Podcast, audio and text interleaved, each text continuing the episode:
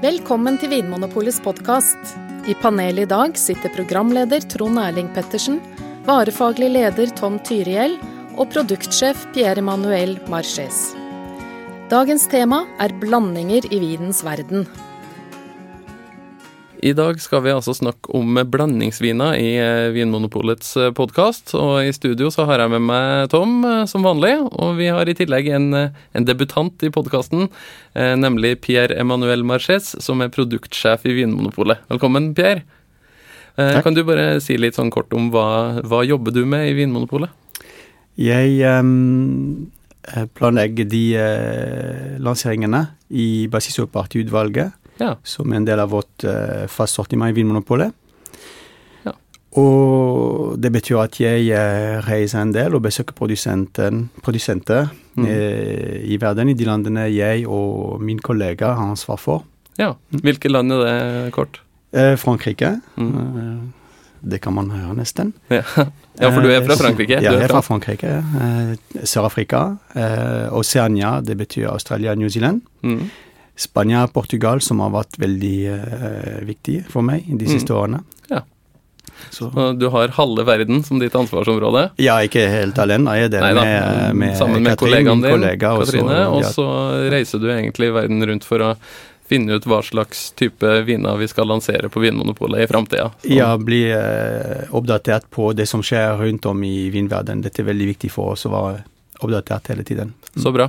Da har vi med to sterke fagpersoner i studio, og det er bra. For nå eh, har vi nemlig fått et lytterspørsmål, eh, Tom og Pierre. Det er fra en som heter Bård Nedregård, og han skriver følgende. Hei, takk for fine podkaster. Kanskje dere kunne snakke om ulike blandinger av druer? Der kompleksitet eller en bestemt karakter bestemmes av et spesifikt blandingsforhold. Hvordan kjenne igjen eller dekomponere en blandingsvin? Eh, og Det har da Bård eh, sendt inn til podkast.vinmonopolet.no, så til deg som hører på, så kan du også skrive inn et spørsmål om, eh, om, det du lurer på, og så skal vi prøve å svare etter beste evne. Og Tom, tror du vi skal klare å svare Bård litt om blandingsvin i dag? Vi skal i hvert fall gjøre vårt beste. Mm. Det å blande vin, eller blande ulike druer, eller eh, på en måte lage, lage, en vin som består av ulike komponenter, er det vanlig? Ja, det er ganske vanlig. Så jeg, jeg, vet ikke prosentvis, men jeg tro halvparten av vinen i verden kanskje var laget på den måten. Og det andre er sånn endrueviner, bare laget da på én drue, mm. som er den andre måten å gjøre det på. Ja. Pierre, eh, hvis jeg sier eh, en blandingsvin, eller en vin lagd av ulike druetyper, hva er det første du tenker på da? Bordeaux. er det fordi du er fransk, eller fordi det er det mest klassiske eksempelet på en, eh, en blandingsvin? Jeg tror det er det mest klassiske eksempel, men også jeg tror at her har vi forklaring på det meste når det gjelder å blande druer, i hvert fall. Ja, fint. Da begynner vi der. Da tar vi det som en sånn intro til hvordan man eh, blander druer, og hvorfor man gjør det. Mm. Sånn, eh, aller først, hvilke druer er det som blandes i en rød bordeauxvin? Eh, den første, til tross for at den mest styrkede druetype i Bordeaux er Merlot. Eh, det er Cabernet Sauvignon tror jeg som er mest kjent. Og så har vi Merlot, mm. Cabernet Franc. Ja. Og så har vi Malbec, Petit Verdot.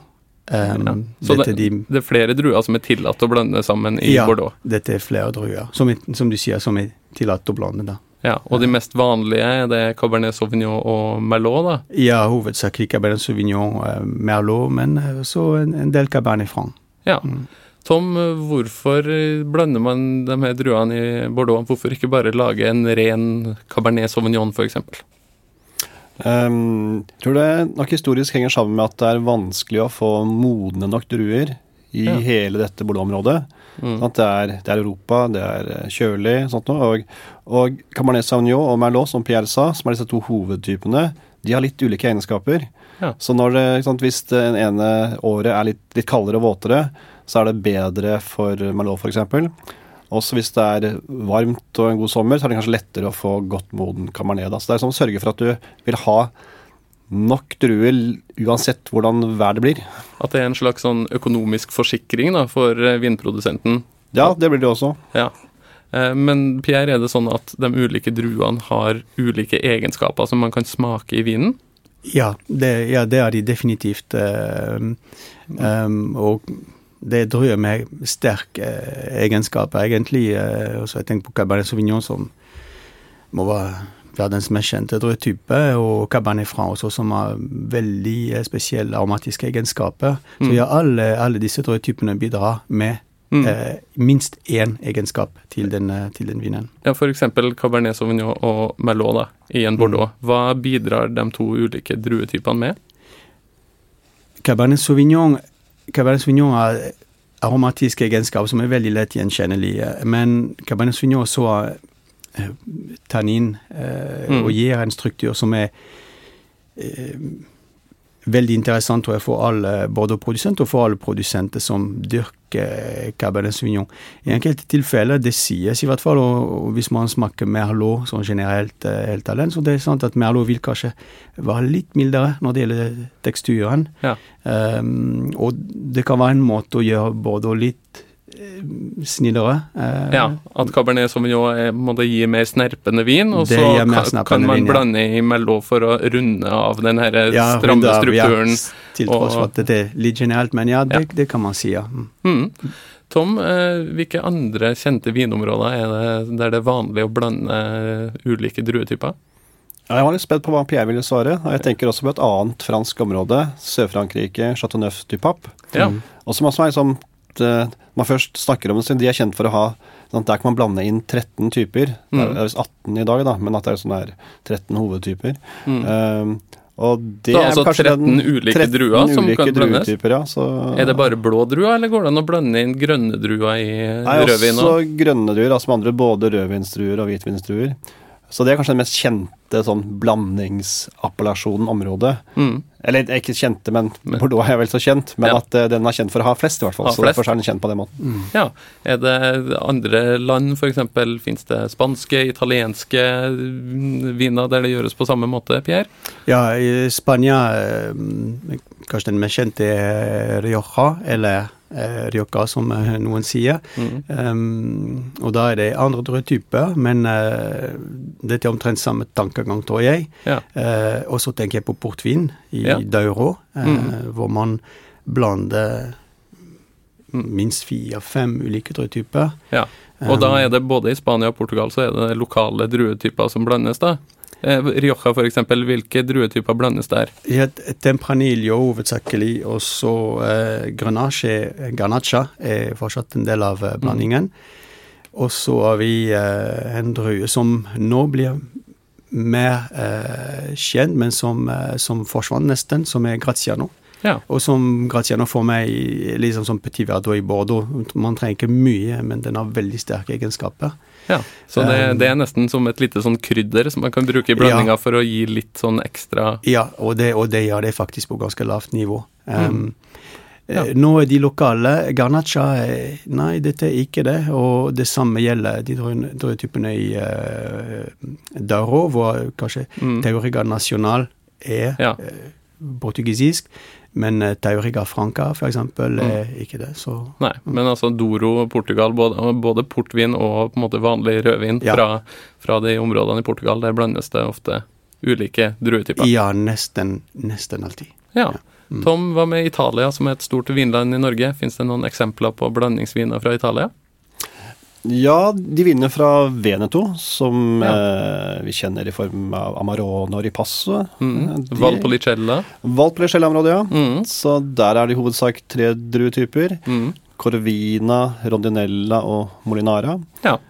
Og er det litt samme utgangspunkt der, holdt jeg på å si, at, man, at de har litt ulike egenskaper og kanskje vekst på i litt ulike områder, sånn at man både har det som en liten forsikring og eh, en måte å komponere en vin med med forskjellige ja, egenskaper? Det er som eh, Pierre var inne på, at man, de har ulike egenskaper, og dette skal liksom til sammen gi ideen om den perfekte vinen. da, mm. Ut fra så sånn som Vi smaker på vin, vi skal se på den. så mange som Vi vil ha mørk farge. Vi må ha rus som gir mørk farge. Mm. Vi skal lukte på den. Vi mm. vil ha noe som er, lukter blomsteraktig, fruktig og kanskje ha litt av sånn lær kjøtting. Mm. Da tar vi noe som gjør det. Og så etter man med en smak, sånn som Pierre snakket om, at man kan, enten vil ha litt den fastheten fra Cabernet Sauvignon, eller om man gjør den mykere. Det er som å tenke sånn, Hva kan man sette sammen for å få den vinen som ser, lukter og smaker best? Ja, Så da vinmakeren blir litt som en uh, kokk, på en måte, som har ulike ingredienser, Pierre, og så skal han sette sammen en rett? Ja, og jeg, og jeg, tror faktisk at dette er en analogi som brukes uh, veldig ofte i vinverdenen, i hvert fall det når jeg hører fra, fra vinprodusenter. Men jeg vil nevne også um, Eh, en annen ting i Sør-Afrika blant annet, så har jeg sett produsenter som i en hvitblend vil bruke litt klerett som er endret typ, som nå eh, perfekt eh, fysiologisk modning på 10,5 eh, alkohol. Og når den blandes inn i en blend av eh, grenache blanc, mm. um, som da vil eh, få tilsvarende modning på 14% av alkohol, ja. så kan man redusere alkoholprosenten. Ja, riktig. At man blander inn en litt sånn lavalkoholisk eh, drue eller vin i en, i en, vin som har litt høy alkohol, for ja. å liksom ta det litt ned. Selvfølgelig så må, må aromatisk sett så må det være relevant å gjøre det, mm. eh, og, og, det må ikke være en nøytral, altfor nøytral drøvtype, til tross for at det hevdes iblant, men da blir det det samme som å bruke vann, sånn sier ikke poenget, men, men, eh, men det, det, det fungerer fungerer bra, og det, det, det er harmonisk. Og så ja. kan man droppe alkoholprosenten kanskje 0,5 eller 1 prosent. Ja, så Det at man kan blande ulike druer, det gjør rett og slett at vinmakeren kan styre litt mer ja. Eh, hvordan mm. resultatet blir. da, at, mm. Eh, at, det blir passe med snerp, passe med alkohol, passe med syre og mm. fruktsmak osv. i vinen. Mm. Ja. Eh, Bård, som har sendt inn spørsmålet her, han eh, gir et eksempel. Det, der står det f.eks. GSM i Sør-Rån. Eh, Pierre, kan du si kort hva, hva står GSM for? Ja, det er Grenache, Syrah og Morvedre. Um, ja. Og i Australia så kan man eh, si Grenache, Syrah, og iblant bruker man eh, Mataro fortsatt. Ja, Mataro, som Mataro. er et sånt synonym for Morvedre. ja, som det heter i Frankrike. Som, som er, det skal være samme drøvtype. Ja. Så, så, det er på en måte tre blå druer som er vanlig å blande i, i Sør-Rån? Ja, ve veldig vanlig å blande i Sør-Rån, og, og, denne typen har blitt eh, eh, brukt i, spesielt i Barossa, som, som, er nå veldig kjent for disse GSM. Ja, i. Australia. Så, ja, i Australia, i mm. Barossa. Ja, for det, det, er på en måte en, noe som har skjedd, Tom, at de her klassiske blandingene fra Europa har blitt adoptert ute i det vi kaller den nye verden, altså California, USA eller Australia eller New Zealand eller andre, andre land utafor Europa? Ja, det, for vinplanten og kunnskapen liksom ble jo tatt med ut i verden med europeere som eh, flyttet ut, eh, mm. utvandret. Um, og så har de da forsøkt liksom å lage vin på hjemmemåten, og mm. det har jo også gått bra. Men så har det etter hvert også tenkt at nei, men vi er jo på et annet sted i verden. Mm. Det er sånn litt andre solforhold, vekstforhold type ting. Det er jo mm. kanskje andre druer som passer bedre her. Ja. Og da har man, sånn som i Argentina f.eks., så har man da eh, ikke da Camarnet og Merlot, mm. men en annen M-drue, Malbec i stedet, som er liksom mer sånn typisk det. Så tar man skal si, har man justert det litt i forhold til hvilken drue passer best i det området vi er. Mm. Og så blir det nye blends som oppstår. Ja. Mm.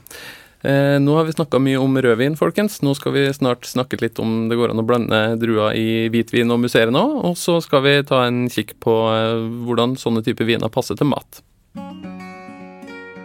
Trenger du en liten huskeliste? Her er noen av de mest kjente vinområdene der man blander ulike druesorter. I Bordeaux i Frankrike er det vanlig å blande Cabernet Sauvignon, Merlot og Cabernet Franc. I champagne blandes tradisjonelt chardonnay, pinot noir og pinot meunier. I Veneto i Italia lages vinene Valpolicella, Amarone og Recioto. Den klassiske blandingen her består av de tre lokale druene Corvina, Rondinella og Molinara. Også i Spania er den mest kjente vinen en blandingsvin. Rødvin fra Rioja består som regel av druene Tempranillo, Graciano og Mazzuelo. Tom, det fins noen klassiske blandinger i eh, hvitvinen og den musserende vinens verden òg, gjør det ikke? Det gjør det. Og Pierre startet jo med å snakke om rød bordeaux. Mm. Uh, og jeg tenkte hvit bordeaux også er et ganske bra eksempel på en blandingsvin. Ja, Hvilke druer er det som blandes i en hvit bordeauxvin? Der er det Sauvignon Blanc, som man vanligvis finner i Loire. Sånn, selvfølgelig også mye New Zealand og sånn type ting, og mm. hele verden. Men eh, Loire liksom er sånn hjemsted i Frankrike. Ja, Sancerre og Sancerre og Poifemé mm. er jo de mest kjente vindtypene på den. Mm. Uh, og så er det Semignon, som som man ikke kjenner så mye som endruevin, altså som bare alene. Man har noe Hunter Valley i Australia som noen eksempler på det, som er praktfulle, fine viner. Ja. Men Semillon og Sauvignon Blanc i en ja. skjønn forening. Hvilke egenskaper har de to druene som måtte gjøre at de kompletterer hverandre? Um, ja, jeg holdt på å si det var lettere før, men uh, Og da var det liksom at semillon er liksom den liksom gule frukten, ikke så mye syrlighet. Litt sånn fersken, gult eple, gul plomme-type ting. Mm. Så fikk du Sauvignon Blanc, som ga litt mer urteaktig, litt grønne og den høyere friskheten. Mm. Og Pierre, hva med musserende?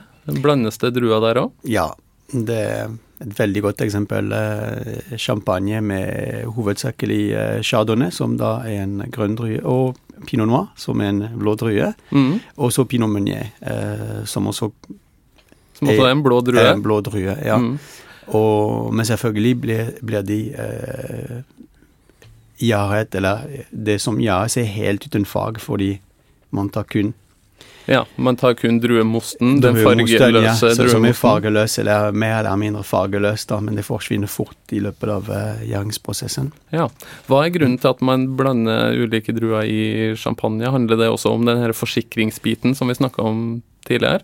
I, jeg tror utgangspunktet er at, uh, at det er det som er den historiske årsaken, uh, og så at champagne, og i hvert fall champagnes um, rykte i verden, og posisjonen ble etablert av uh, champagnehus som kjøpte uh, druer fra mange ja. uh, druedyrkere, bonder, mm. og som da komponerte et produkt som ble kjent som champagne, og at man måtte også ha ulike kilder for å sørge for å ha nok vin. da. Ja, Tom, hvordan gjøres det i praksis når hvis, La oss si at jeg skal begynne å lage champagne. Jeg er nå et stort vinhus, og så skal jeg lage min champagne som skal smake likt fra år til år.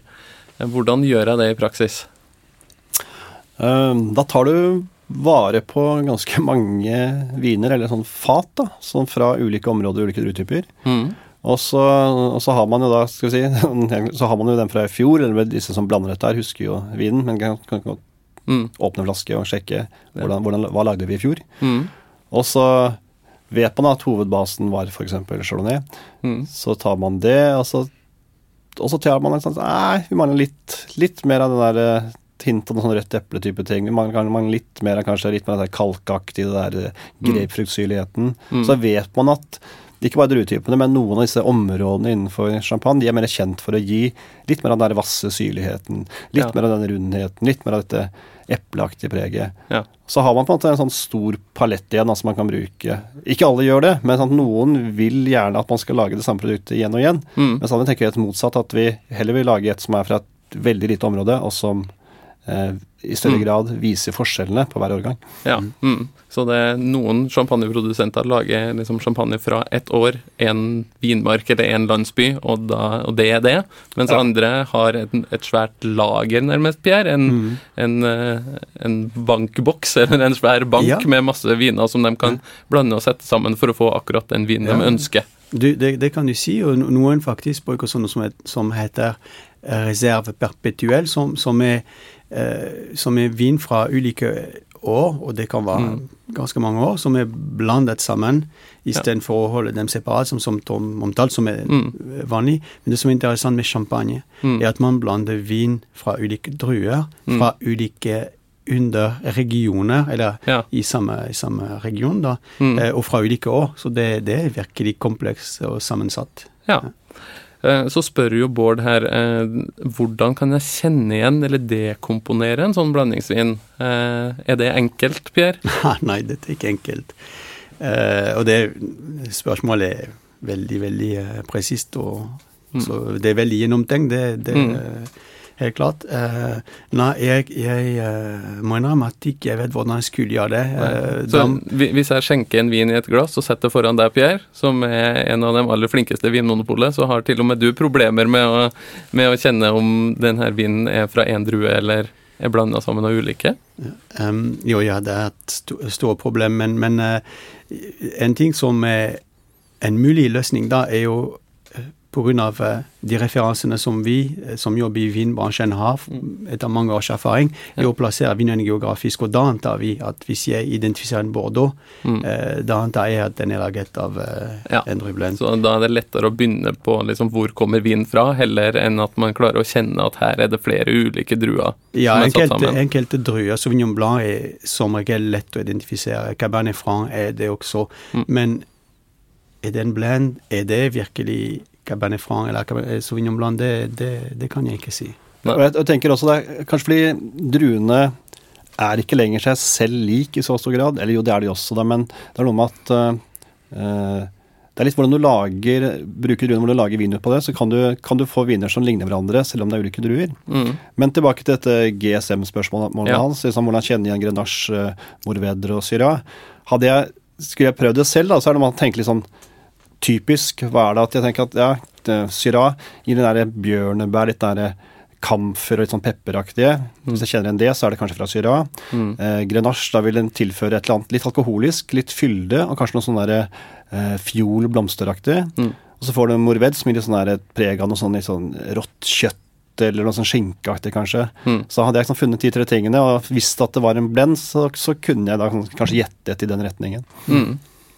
Uh, Pierre, det, nå snakker jo vi jo på en måte om moderne vinmaking, der man kan uh, blande ulike druer, og uh, vinmakeren kan liksom lage det sluttresultatet han vil. Men i gamle dager så var det vel liksom gamlemåten å lage vin på, var at man hadde uh, ulike druer i samme vin naturlig? Ja, det, det har jeg sett uh, enkelte steder, bl.a. i Nordvest-Spania, hvor uh, i gamle vindmarker så var det noen hadde oversikt med eller mindre over alle drøytypene som, som var til stede. Og tradisjonen der var uh, å gjøre alle disse druene sammen og plukke dem samtidig og gjøre dem sammen. Ja, at da, da kunne man ha masse forskjellige druetyper, ulike druesorter ja, ulike i samme vinmark? Ja, ja. I mm. samme vinmark. Nå er det noe som man går bort fra det, bortsett fra i Vienna. Som faktisk, ja, i Wien i Østerrike? I Østerrike, ja. ja. Da eh, er det en spesifikk vin der da, som, ja. som lages av ulike druer? Ja, jeg vet ikke om jeg uttaler det riktig, men det heter gemischte sats. Ja, og da er det en tradisjon å, å, å gjøre alle disse druetypene sammen. Ja, At du har druer som kommer fra samme vinmark, samme ulike druesorter, ja. og så mm. gjærer man det sammen. Og så ja. blir det en sånn naturlig blandingsvin, på en måte. Ja. Den, ikke, det, det, er ikke, styrt, lenger, ikke men, styrt av vinprodusenten. Nei, det er det. Vi har sett av vindmarken og området. Faktisk, jeg tror det er det som er eh, viktig nå i dag i, i vindverdenen. Mm. Uh, Tom, vi er jo ofte innom mat i, i podkasten vår. Er det noe er det noen spesielle kvaliteter som blandingsviner har som gjør at de egner seg spesielt godt eller spesielt dårlig til, til, til enkelte typer mat, eller eh, er det så stor spredning i, i blandingsviner at det er vanskelig å si noe konkret om det? Uh, jeg, jeg, tror ikke det er mulig å si noe kon konkret om det, nei. nei. Eller noe bestemt om det. Det, det, er ikke det det kommer an på om vinen passer til mat, om det er en blandingsvin eller ei. Det, altså, det, er, det ikke det det går på. Nei. Da lar, vi, da lar vi kanskje det ligge for denne gangen, så kan vi heller uh, åpne vårt lille filosofihjørne etter en bitte liten pause.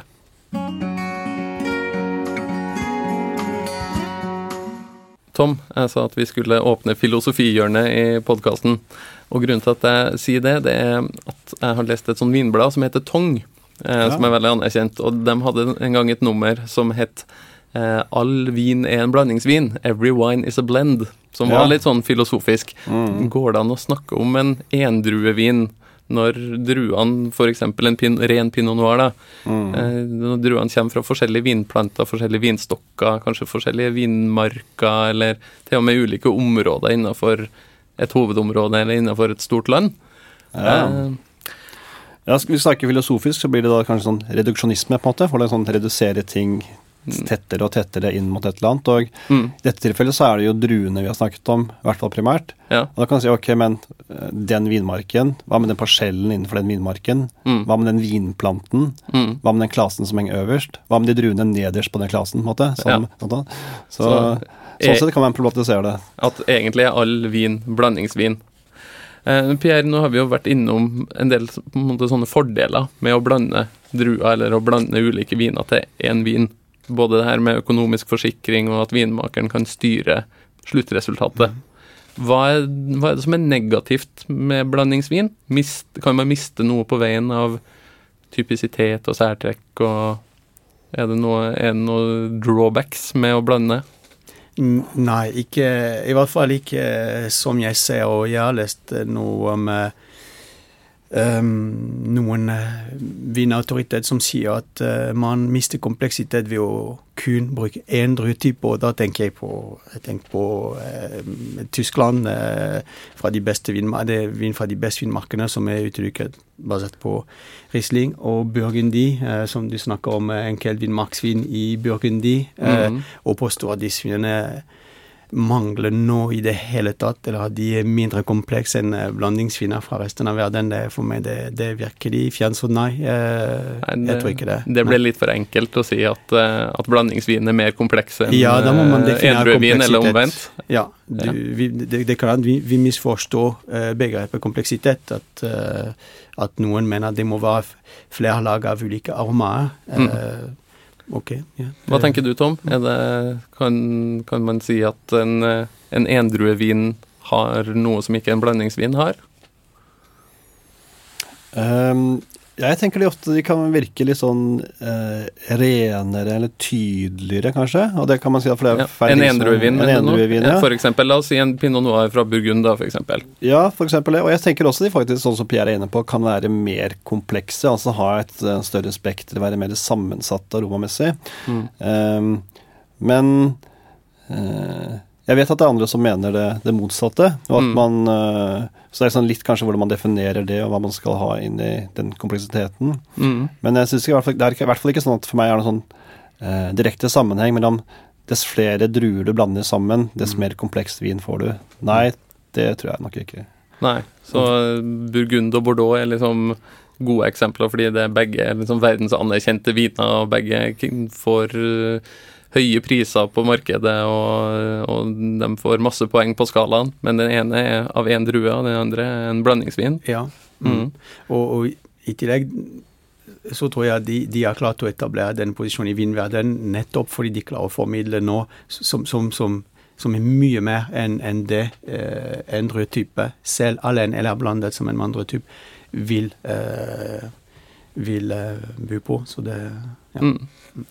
mm. Så det blir vanskelig å snakke om rene viner, da, nesten uansett eh, hva man ja, om man blander eller ikke? Ikke nødvendigvis. Det, det, ikke nødvendigvis. Men det, jeg tror ikke at det er avhengig av at det er kun en drøtype eller en, en blandingsvin. fordi vi, vi må ikke glemme spesielt i vinverdenen i dag, hvordan vi eh, selv eh, forstår vinverdenen, er at eh, hovedmål med en vin er å formidle noe som er eh, stedsspesifikk og ikke druespesifikk. Nei. Eh, dette er i hvert fall mm. de vinene som vi mener er mest interessante. Ja. Og de kan være veldig rene, til tross for at de er laget av fire-fem forskjellige typer. Mm. mm. Ja. Så fint. Det får være siste ord for i dag. Så da håper vi at eh, Bård fikk eh, svar på det han lurte på om blandingsvin. Og så kan vi si til deg som hører på, at eh, du gjerne kan gå inn i iTunes eller Soundcloud og gi oss noen stjerner og si hva du mener om podkasten vår.